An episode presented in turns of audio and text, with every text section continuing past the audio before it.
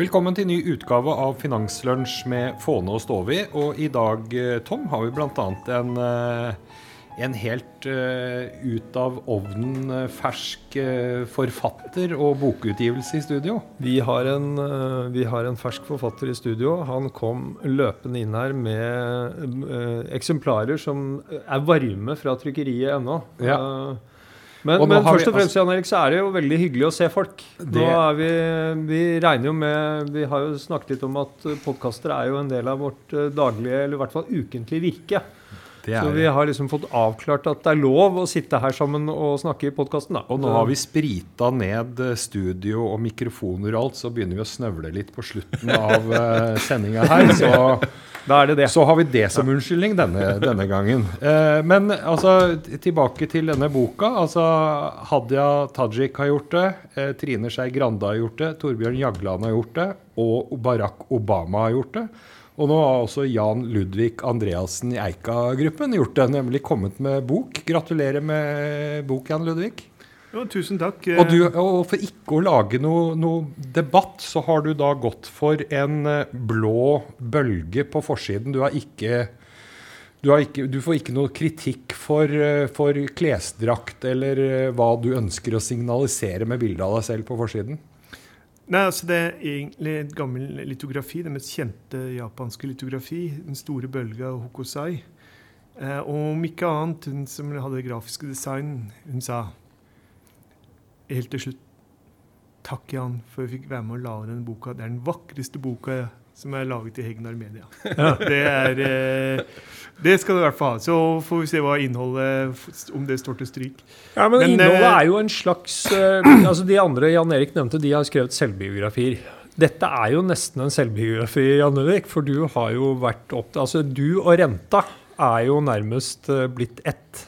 Det er jo det du har holdt på med nå i mange mange tiår, er det ikke? Jo, altså du kan si Første gang jeg var i Japan i 1998, så eh, merket jeg at folk hadde egentlig begynt å gi opp mm. troen på renteoppgang. Og Så kommer du tilbake til Norge og så tror du liksom på inflasjonsmål og alt det der.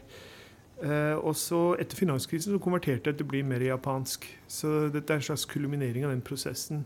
Ja. Godt hjulpet av at du satt mye hjemme under covid-19. Eh, lite reiseaktivitet osv. Og, så og et forskningsarbeid i Bank of England som tok for seg uh, rentene fra 1311 til 2018. Den stort sett viser at uh, alle renteoppganger er bare midlertidige og kortvarige. Eller det kan mm. være no vare noen tiår. Uh, men før eller siden så faller rentene til nye bunner. Og realrentene faller med ca. 1 prosentpoeng hvert 65. år. Ja. Og det er helt uavhengig av politikere, kriger, hva som skjer. Så vi tror vi må bare belage oss på at uh, om 65 år så er realrenten som i dag er minus 1 i Norge, rundt minus 2 så du har rett og slett altså, tatt rentas siste 700 års historie og skrevet inn mellom to permer? Ja, så er jo da poenget er at uh, det er en mer sånn det, det, er en slags konvolutten min. da, og så Inni der putter jeg alle typer andre arbeider. Eh, det er en veldig bra biografi av John Maynard Kanes som er kommet i år. Jeg har skrevet av en journalist som er lett tilgjengelig. Masse eh, enkel forklart eh, teori og ideologi. Uh, forskjellen mellom Kanes og Fritz Hayek og Milton Friedman osv. Veldig mye sånt som jeg har glede av. Jeg hadde mye flaks i år. Det kom veldig mye i år som, eh, trekker, som vi, jeg kunne bruke for å forklare mm. hvorfor rentene faller. Og etter at eh, boka har kommet, så har vi fått nye befolkningsprognoser Norge, for Norge som er ganske dystre. Det vil være færre nordmenn i arbeid i 2050 enn det er i dag. Og da er det egentlig grunn til å regne med at renten er lavere i 2050 enn det er i dag. Det er, så, ja. Men så, eh, vi, vi, skal mm. komme litt tilbake til hva dette betyr på litt lengre sikt. Altså, hvis vi nå bare har den tanken i hodet om at rentene kommer ikke til å stige kommer, altså Realrenten kommer til å falle videre, sier du. Ja, kan, men eh, folk kan godt sette opp renta, eh, og da har de gjort en feil. Så da vil det være sånn som det har vært på 2000-tallet. I 2001 var eh, Norges bankrenta 7% da vi starta med inflasjonsmål. Mm. Og så har den gradvis gått litt, falt. Altså Den har gått litt opp, men hver renteoppgang har vært etterfulgt av en ny historisk rentebunn. Eh, også denne gangen i, fra 2019. Da kjørte Norges Bank opp renta så mye den kunne, til halvannen prosent. langt under de der fem-seks vi hadde før finanskrisen. Mm. Men det var den store rentetoppen nå. Og så kollapser det til en ny rentebunn eh, null. Og jeg tror at Hvis Norges Bank nå skulle være litt for eh, trigger-happy og kjøre opp renta, så må vi også tilbake til kraftig negativt lende for å rette opp den skaden. Men er, er, grunnen til denne 700 års lange vandringen som du beskriver fra høye realrenter til negative realrenter, at vi aggregerer eh, likviditet, eh, så tilbudet av likviditet etter hvert er så høyt at eh, derfor blir prisen på penger lavere? Ja, Den som liksom forklarer nå i moderne termer, er jo Lawrence Summers, som sier at det er sekulær stagnasjon. Altså Våre liv er omtrent som våre pappas liv var på 70-tallet. Ja. Og vil være, og våre barn vil ha omtrent det samme stress på jobb. ok, De har litt bedre biler og iPader osv., men det er samme greiene. Det er egentlig ikke noe særlig utvikling. Og eh, Han holdt en tale om dette i 2013, veldig omdiskutert, og sa veldig mye av det som nå kommer. Og nå under korona så har eh, mange eh, sagt at vi tok feil. Lawrence Summers har rett. Det er sekulær stagnasjon. Husk altså Italia, Hellas sånne samfunn. Det er BNP i dag på samme nivå som på 90-tallet. Mm. Eh, på tross av teknologisk fremgang og produktivitetsvekst. Og, så, så, jeg tror liksom vi må bare erkjenne det. og særlig for Norge nå, som skal avvikle eller forvitre vår største næring, eh, så er det nesten uunngåelig. Befolkningsnedgang, vår mest lønnsomme næring skal forvitre osv. Og, og så, så, så, blir det plaster på såret. Vi, vi bruker mer oljepenger. Og det er noe som kommer fram til i boka, at du sterkt anbefale å øke bruken av oljepenger. Mm. Vi har med oss en gjest til uh, i studio. Vi glemte vel å si at Jan Ludvig Andreassen er uh, sjeføkonom i Eika. Sa vi det? Nei, vi sa kanskje ikke Nei, men Han er jo kjent, det, det... han er en såpass kjent stemme at vi liksom bare forutsetter det. Ja. Men vi har en uh, boligkonge i studio, Jan Erik. Det har vi. Henning Lauritzen, administrerende direktør i Eiendom Norge. Og du har vært der før. Velkommen tilbake igjen, Henning. Tusen takk. Ja, Eh, hvordan ser det ut fra eiendomssida for, for, tiden? Altså det, er jo, eh, det, jo, det, er jo, nedgang over hele fjæra i norsk økonomi, men boligmarkedet og også hyttemarkedet har jo egentlig sett overraskende bra ut gjennom disse ruglete månedene. Hva tror du det skyldes? Nei, her har vi nok eh, et, en sammenfall av mange faktorer. Og vi, vi, hadde jo, hvis vi skrur tiden tilbake til mars, så hadde vi jo et boligmarked hvor, eh, hvor vi hadde en ganske kraftig prisnedgang i slutten av mars. Og eh, vi hadde en veldig stor volumnedgang i markedet i slutten av mars. Da, da, var jo usikkerheten, om ikke total, mm. så var den jo veldig stor. Og hvor lenge vi kom til å ha den bølgen vi var inne i da, hvor kraftig den ville bli, og hvordan virkningene eh, skulle, skulle, bli, det, det, det, var jo veldig usikkert. Mm. Og så har det jo gått veldig mye bedre siden den gang. Eh, det er ingen tvil om at nullrenten fra Norges Bank og lave utlånsrenter fra bankene er hovedårsakene til at boligmarkedet har klart seg bra. Men det er nok eh, en del andre faktorer som har hatt stor betydning. Eh, vi eh, begynte å få en optimisme tilbake i markedet i, spesielt i begynnelsen av mai. Og, og, her er det nok at man for det første så at disse tiltakene mot korona gjorde at man kunne kjempe ned den første bølgen ganske tidlig. Myndighetene kom på banen med mange sterke tiltak. Arbeidsledigheten, som jo var veldig høy på det tidspunktet, eh, hadde begynt å tikke nedover.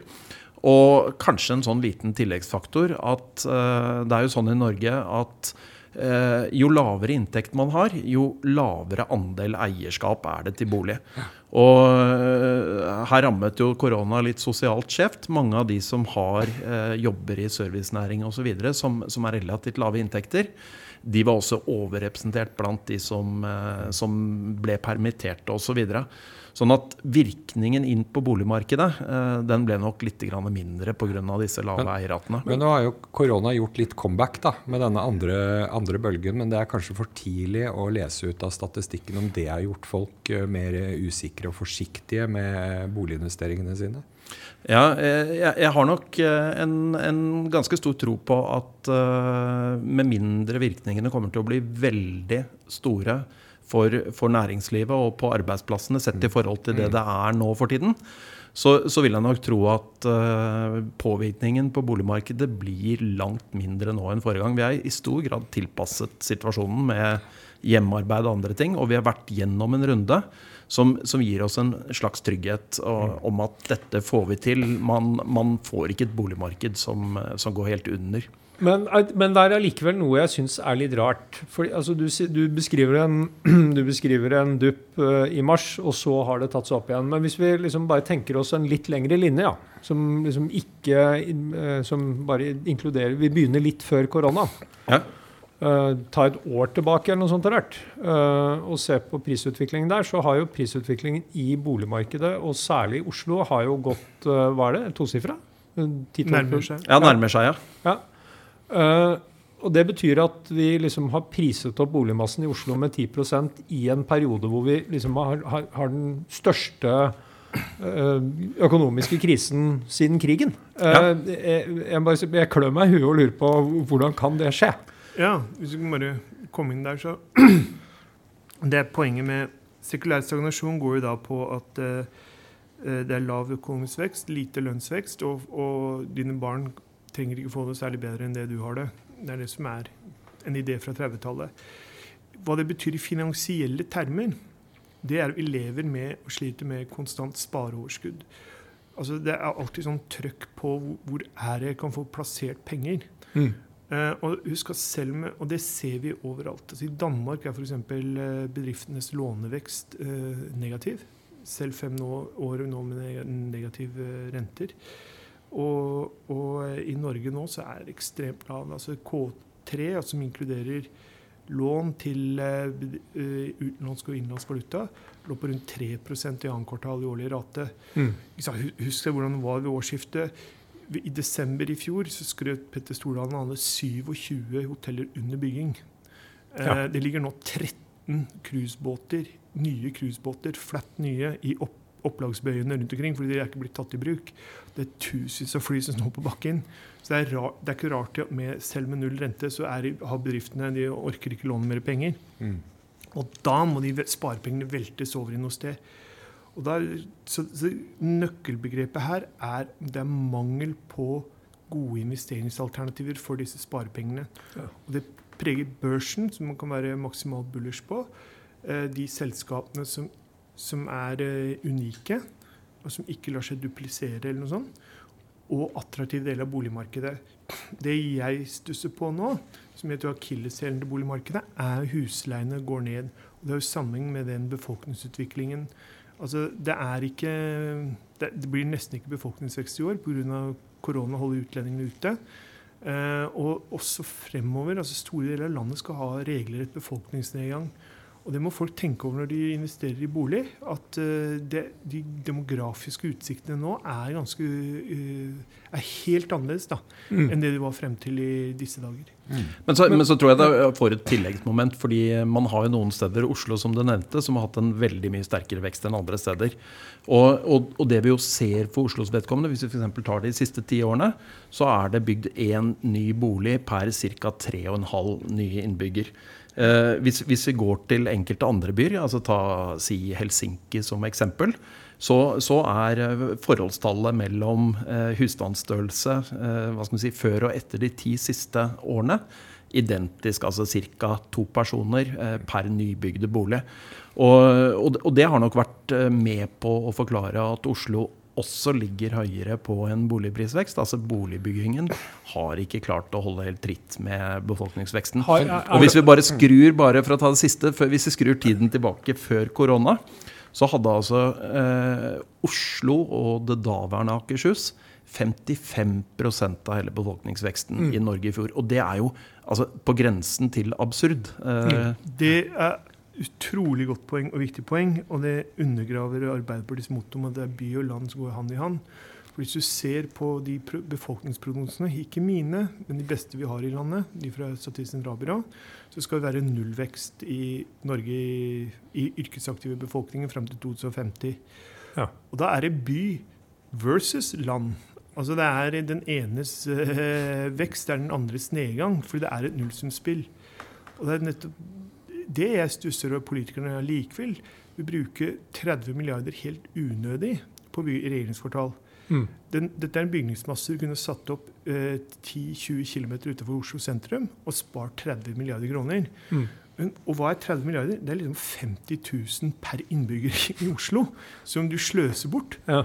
Uh, og det er, det er, mange sånne eksempler på politikerne er helt blinde for å, det er nasjonal satsing og sånn som vi må ha i Oslo. Og så selvfølgelig har du andre ting som er lønnsomt å flytte til Oslo, men da blir jo alt i Oslo, da. Ja. Og, og, det der at folk må tenke seg om. Det er ikke lenger by og land hand i hand. Det er by versus land. Og jo mer du putter i Oslo, jo mindre blir det på resten av landet. Det er en matematisk nødvendighet. Nå, men uh, her er jo, nå så jeg Senterpartiet er uh, på siste meningsmåling Oslos uh, fjerde største parti. så de har jo helt åpenbart fått en effekt av å satse i Groruddalen. Så det er, det, det, det er, noe for Senterpartiet å ta tak i her. Ja, men Alle partiene er fortsatt for dette regjeringskvartalet. De, de, er liksom litt på glid, men de har ingen som har sagt at dette her er det mest vanvittige ressursløsende tiltaket vi har i Norge. Som attpåtil fyrer bensin på bålet i den mest overopphetede delen av landet. Mm. Eh, og, som, og, og, jeg har slått et slag for at i, i koronaerfaringen med videokonferanser og sånn, så burde man hatt skatteordninger hvor, hvor, folk fikk lov å bo egentlig hvor de ville i landet. Kunne delta på videokonferanser. Jeg skal ha et syv timer langt styremøte nå i ettermiddag, og alt er på video over, mm. med representanter fra hele landet. Er jo så behagelig å, å slippe all den reisinga og alt det greiene der. Du blir så mye mer produktiv. Mm. Jeg skjønner at de unge må ha fysisk til stede, men vi gamlinger vi kan godt sitte hjemme og jobbe vi, ja. via video. Bare du klarer jo til og med å skrive bok, da. Klarer til og med å skrive bok. Men jeg, jeg, jeg, jeg tror veldig mange av oss uh, er i en situasjon vi har opparbeidet vårt nettverk osv. Hvorfor ikke vi utnytter det vi har lært av uh, covid-19? Så Det er jo poenget jeg også bruker i boka. at på en måte Covid-19 har brakt oss et godt stykke inn i fremtiden. Jeg har i hvert fall tatt i bruk masse uh, greier jeg aldri visste eksisterte engang før mm. covid-19 på sånn, digitale flater, apper osv. Og, så og ikke hvorfor, hvor skal vi bygge denne mastodonten av en uh, festning mm. midt i byen? Mm. Og siden jeg bruker Bonaparty mye sitater i boka, så har jeg et jeg ikke har brukt, men som mm. er veldig godt. Det er ingen festning noensinne som klarte å stoppe en fiende. Nei. så han var helt mot uh, Det er derfor han hadde rødlige armeer. Han, han, brukte ikke en krone på å bygge festninger. Nei. Og vi satser alt på vi skal lage noe som et sånn greie, et sånt skikkelig mål midt i Oslo sentrum som terrorister ikke skal knekke, ja. Nei, det, det, går imot eh, Napoleons råd. Ja. men, eh, men, tilbake Nå er vi på de lange linjene. men vi skulle snakke om lange linjer. Ja, vi skulle jo det. Men Henning, eh, du nevner dette. altså 55 vekst av innbyggertallet i, i Oslo. Eh, eh, og det er jo litt lavere aktivitet. altså vi har jo sagt at ok, vi, vi må få opp, uh, få opp bolig, boligbyggingen i Oslo. Tempoet, kostnadsnivået må ned. Det må settes i gang mer. Uh, men det er vel kanskje tegn som tyder på at uh, det ikke skjer heller, også pga. covid. At det blir lavere lavere utbyg utbyggingstakt, og dermed så forsterker man denne prisveksten i Oslo enda mer på sikt? Ja, vi, har jo noen måneder med tapt boligbygging som vi aldri kommer til å ta igjen. Altså det som ikke ble startet i uh, la meg si sånn perioden fra, fra mars til ut ut august. Det, det, kommer jo ikke til å bli bygd. Altså det, eller det, det, er på en måte en boligbygging man taper permanent. Mm. Eh, og så, er jo situasjonen at eh, vi, hvis vi tar Oslo som, som, et eksempel, og det er ganske nærliggende, så, så, har det vist seg vanskelig for politikerne, uansett farge, uansett side, å få en boligbygging som henger med. Og, og, det man skal være klar over hvis man skal sette seg i politikernes sted, det er jo at skal du få boligbyggingen opp på et tilstrekkelig nivå, så skal du egentlig ta en kamp på vegne av innbyggere du ikke har ennå. Til dels mot eksisterende innbyggere. For, og for de som eh, er på boligmarkedet i Oslo, de er jo interessert i å trekke stigen opp etter seg. ikke sant? Og, man, man, kan jo se på disse debattene rundt Grefsen og Smestad osv. Det er ikke sånn at man står og heier i nabolaget for at man skal, eh, skal bytte ut eneboligene med blokker. Eh, det, det, er aldri populært. Eh, så det, så det, er jo politisk så er det ganske krevende jobb. Og markagrensa er jo hellig, så den eh, er det jo ingen som tør å Man har markagrenser, man har det, det, ene og det andre. Og så er det klart så, så skal vi ikke kimse av de utfordringene man har med infrastrukturkostnader. Mm. Skal man bygge nye boliger, så trenger man nye veier, nye skoler, nye vann- og avløpsredninger osv. Så, videre. så Så det vi sånn sett har tenkt på, er at her er jo mange ting man egentlig bør gjøre fremover. altså Infrastruktur som man kan bo lenger unna byen, men komme seg kjapt inn, er, er en sånn ganske selvsagt ting. Det er jo noe staten kanskje kan bidra med i større grad enn i dag. Og så er det litt det som Jan Ludvig er inne på. altså Litt tanken eh, Statens egen tomtepolitikk er jo også interessant oppi mm. hele bildet. Altså, man, kunne må, man, kunne ha flytta regjerings, eh, flere regjeringsfunksjoner til Hønefoss, og så bora et skikkelig høl under eh, Krokskogen og satt opp en togforbindelse som virker. Men det, det mer er hvorfor skal de klumpe sammen? De har aldri vært det før i norsk historie, og det er ikke i dag. Nei, det er nettopp. Kunne lagt, de, de kunne, du kunne bare sagt til 5000 statsansatte i sentraladministrasjonen og hvor dere vil. Eh, dere kan få 100 000 i støtte til hjemmekontor. Eh, bare Apropos Oslos utfordringer. Det er en gammel sak. Når jeg gikk på Blindern på 80-tallet, så hadde jeg min veileder eh, Finn Førsund. Han var professor i mulig, alt mulig rart, inklusive boligøkonomi. Mm. Og han sa utfordringen er å ta litt av marka. Er, du veit ikke hvor du skal stoppe. Du får plass til hele Norges befolkning i Nordmarka hvis du bygger bare tett nok og høyt nok. Eh, og det jeg føler veldig sterkt i Oslo, da, og for så vidt mange byer, det er at man ikke tenker hva slags by er vi skal Skal vi bygge Hongkong, eller skal vi ha det sånn landlig og lavt bebygget osv.? Og, så og da heller ta hele Norge i bruk. Eh, og jeg merker veldig godt når jeg treffer unge i, på Grünerløkka, arkitekter og sånn, de er happy med Hongkong. Mm. mm. Da får du hele Norges befolkning i skyskraper i Oslo sentrum. Det syns jeg er helt kult. det. Mm. Men, men, det der, der om man ikke tar et valg, på en måte Man sliter med det der å, den, nå skal vi ha seks eller åtte etasjer, nå Grefsenkollen, og nei og nei, for da tar kveldssola fra tante Åse. Mm. Det der blir aldri noe Men ta en sånn prinsippbehandling, da. Skal vi ha lavhusbebyggelse? Skal vi ha Hongkong? Det er ikke noe sånn åpenbart svar. Det er ikke rett eller galt. Og, men det er ingen klare profiler Eh, på dette her. Det blir sånn derre kamp for hver lille prosjekt mm. som, som, du sier eh, tar flere år osv. Og apropos Helsinki, fordi min kone er fin, så vi har leilighet i Helsinki. og Der er det helt annet tut og kjør. Liksom. De har ordentlig byplanlegging. De planlegger, bygger først T-banen ut, og så bygger de blokkene og kjøpesentrene. Liksom, og ikke plaget med høy prisvekst. Nei, altså det er, eh, men der igjen så har de, de har tatt bevisst valg å sentralisere befolkninga. Mm. Så hvis du ser der, så er altså Helsinki har prisvekst, og resten av landet har prisnedgang. Ja, så det er vel det som Samme utvikling som det du illustrerer, som du forteller om i, i, i, Norge. Mm. Det blir fremtid for Norge. Hvis vi, hvis vi, da går sånn bevisstløs inn i fremtiden, sånn som vi gjør nå, med eh, som du sier, en helt absurd eh, sentralisering til Viken og Oslo. Men vi har vel vært det ene landet i Norden som vel har kjempet mot sentralisering. Altså Både i Sverige og Finland så har man vel på en måte hatt et slags sånn politisk ønske. Det har ikke vært noe effektiv kamp, for å si det sånn. Nei, nei, det har ikke, men, men vi har jo men vi har, vi, vi har i hvert fall sagt det. Ja. Men du, vi må, vi må, svinge innom eh, Det er jo en annen altså Når vi nærmer oss jul, eh, og man drømmer jo om en hvit jul i en stue på fjellet med sneen lett dalende ned og julenek på utsiden siden og sånn. Fine dager i skisporet. Eh, det har jo gått ganske bra i hyttemarkedet både gjennom sommeren og nå denne høsten? ikke? Jo, det har, det har, gått veldig bra i hyttemarkedet. jeg, jeg, tror jo bare, apropos det jeg snakket om i sted, at folk kommer fortsatt til å ville klumpe seg sammen i byen. Eh, og kombinere det med å ha en fritidsbolig der hvor du, hvor du slipper så mye folk rundt deg hele tiden. Mm, mm. Og, og, en av de kanskje mest spesielle tingene vi har sett i boligmarkedet nå under korona, er jo at hyttemarkedet har tatt helt av. Eh, vi, vi, snakker jo om at, eh, at vi en periode i sommer, de tre sommermånedene, så var f.eks. sjøhyttemarkedet opp 70% i salgsvolum sammenlignet med i fjor. Og, og, vi ser det egentlig på alle kategorier hytter. Vi, vi teller liksom fjellhytter og innlandshytter og sjøhytter. Alle har vi, vist en veldig kraftig volumvekst.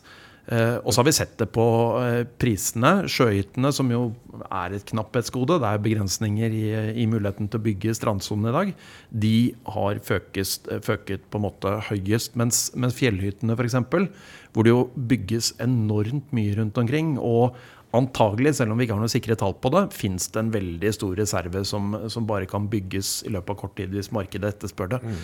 Der, der, har vi også sett noe mer moderat prisvekst, men, men voldsom volumoppgang.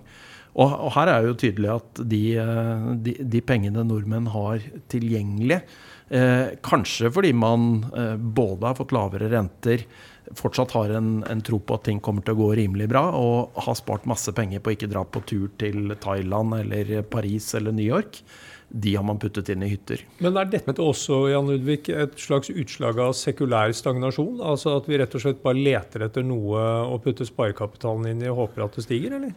Ja, så, så det er jo det. Hvis vi får sånn kronisk spareoverskudd, så er det jo det. Og eh, eh men det, jeg tror, jeg, det er faktisk jeg bomma helt på boligprisutviklingen, men ble veldig bull på hytteutviklingen eh, når dette kom. Blant fordi det er så vanskelig å reise til utlandet og plundre det. Mm.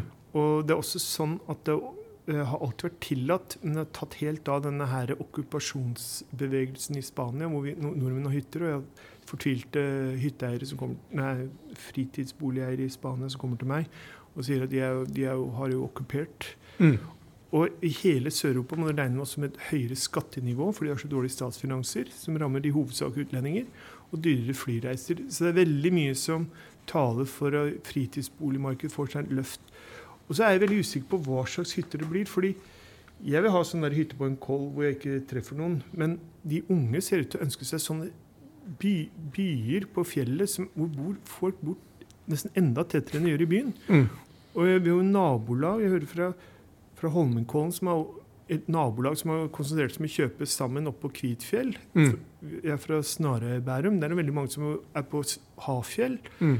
Altså, så Man nesten flytter hele nabolaget Hele nabolaget flyttes til uh, ja. og kanskje dette, og Her blir den nye distriktspolitikken. Kanskje det er det vi skal stimulere. Det. Men jeg har alltid vi, sagt, vi ses på foreldremøtet. En helt ny ting jeg fikk fra min gode kollega Tore Glørsen. Ja. Han har et poeng. uh, med dette boligmangel, og det er så ille og alt det der. Nå har vi 11 000 tomme hotellrom, alle med eget bad, i Oslo. Mesteparten i Oslo sentrum. Eh, er det ikke mulig å få tatt dem i bruk til studenter og andre som kan leie dette for 10 000-15 000 kroner i måneden. i hvert fall. Mm, mm. Så blir det i hvert fall noe penger inn på kontoen til Scandic og vennene deres. Mm.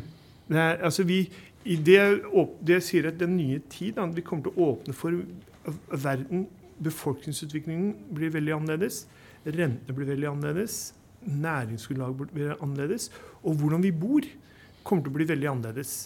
Og så er det spennende. da. Blir vi Hongkong, eller blir vi mer sånn smålandsby? Ja.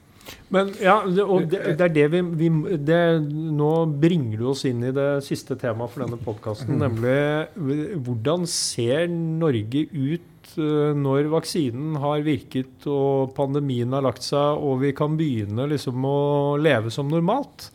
Du sier at eh, Jeg eh, syns jeg hører at du sier at f.eks. det å reise kommer til å bli dyrere. Altså det, ja, det, det er ja, så tenker jeg at hvis, hvis, flere nordmenn da også har investert i en hytte på fjellet eller ved sjøen eller i Innlandet, Eh, så betyr jo det også at da er reiselysten ut av landet mindre. Man vil jo, vil jo gjerne bruke den hytta da, når man først har eh, kjøpt den. Så det vil jo også forsterke den trenden. Ja, altså det, det, som er jo greia da fra flyselskapene, er jo at dyre business class-billetter har jo hele tida subsidiert billig turistklasse. Og nå, skal, nå, har vi jo lært, i hvert fall jeg tror Eika-gruppen og deres banker sparer 150 mill. på reisekostnader i år. Mm. Og selv om det ikke er noe korona i landet, vil vi gjerne beholde de besparelsene av hensyn til rentemarginer og osv. Mm. Konkurransekraft. Sånn tror jeg veldig mange bedrifter har oppsummert. Uh, nei, altså, jeg, men det sier i boka, det er å huske vi er ni måneder inne i denne krisen. Som vi har ikke hatt på siden spanskesyken. Skal være forsiktig med å konkludere for hardt. Mm her kan ting ta annerledes veier, og eh, med null i rente så kommer folk til å forsøke mye rart. Eh, så jeg vil ikke konkludere for mye. Og spesielt det der hvor mye vi sentraliserer, det er egentlig det er opp til politikerne i stor grad. Mm. Og implisitt til og med Senterpartiet er liksom med på at halvparten av befolkningsveksten skal være i Oslo og Viken. I hvert fall vil ikke føre en så dramatisk endret politikk at det ville snu disse trendene. Nei. Så jeg tror det er litt opp til politikerne nå. Null i rente, masse muligheter. Hva gjør du? Og eh, det er bare ni måneder inn i krisen. Vi tror at 2022 er normalåret. Mm. Vi veit ikke.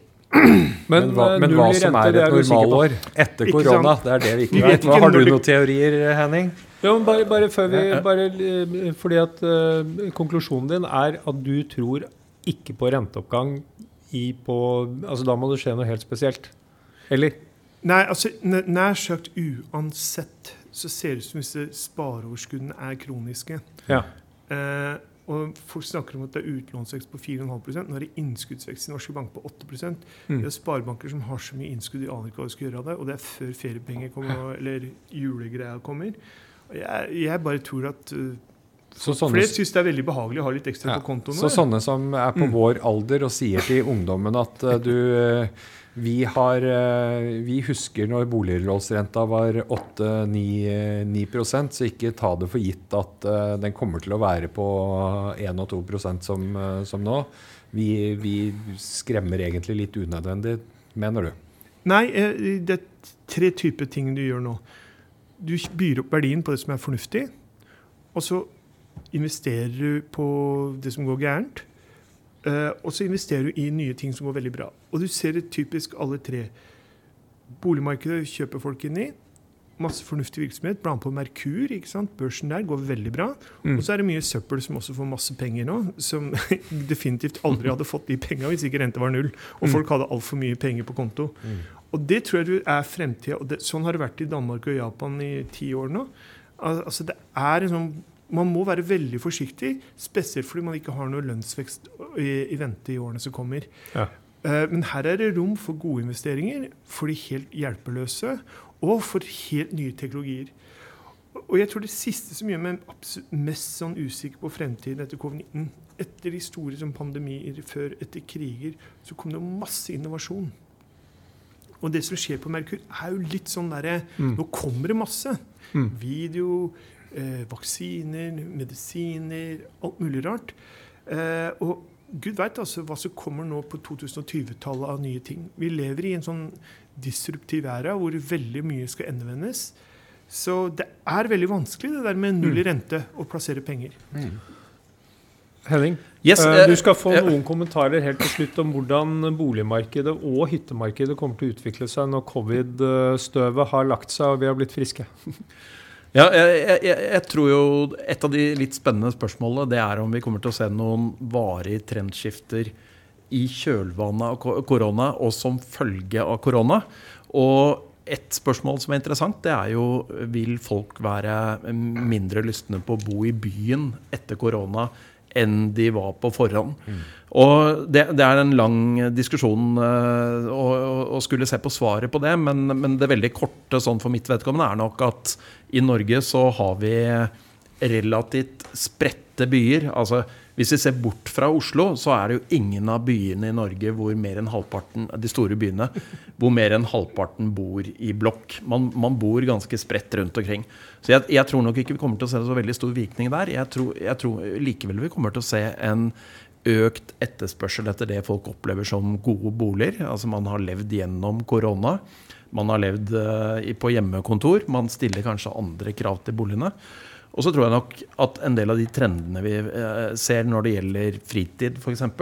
Eh, som du nevnte, man har brukt hytta eh, i stedet for å farte rundt i storbyer eh, annenhver uke. Det vil også sette seg i en viss grad eh, varig hos folk.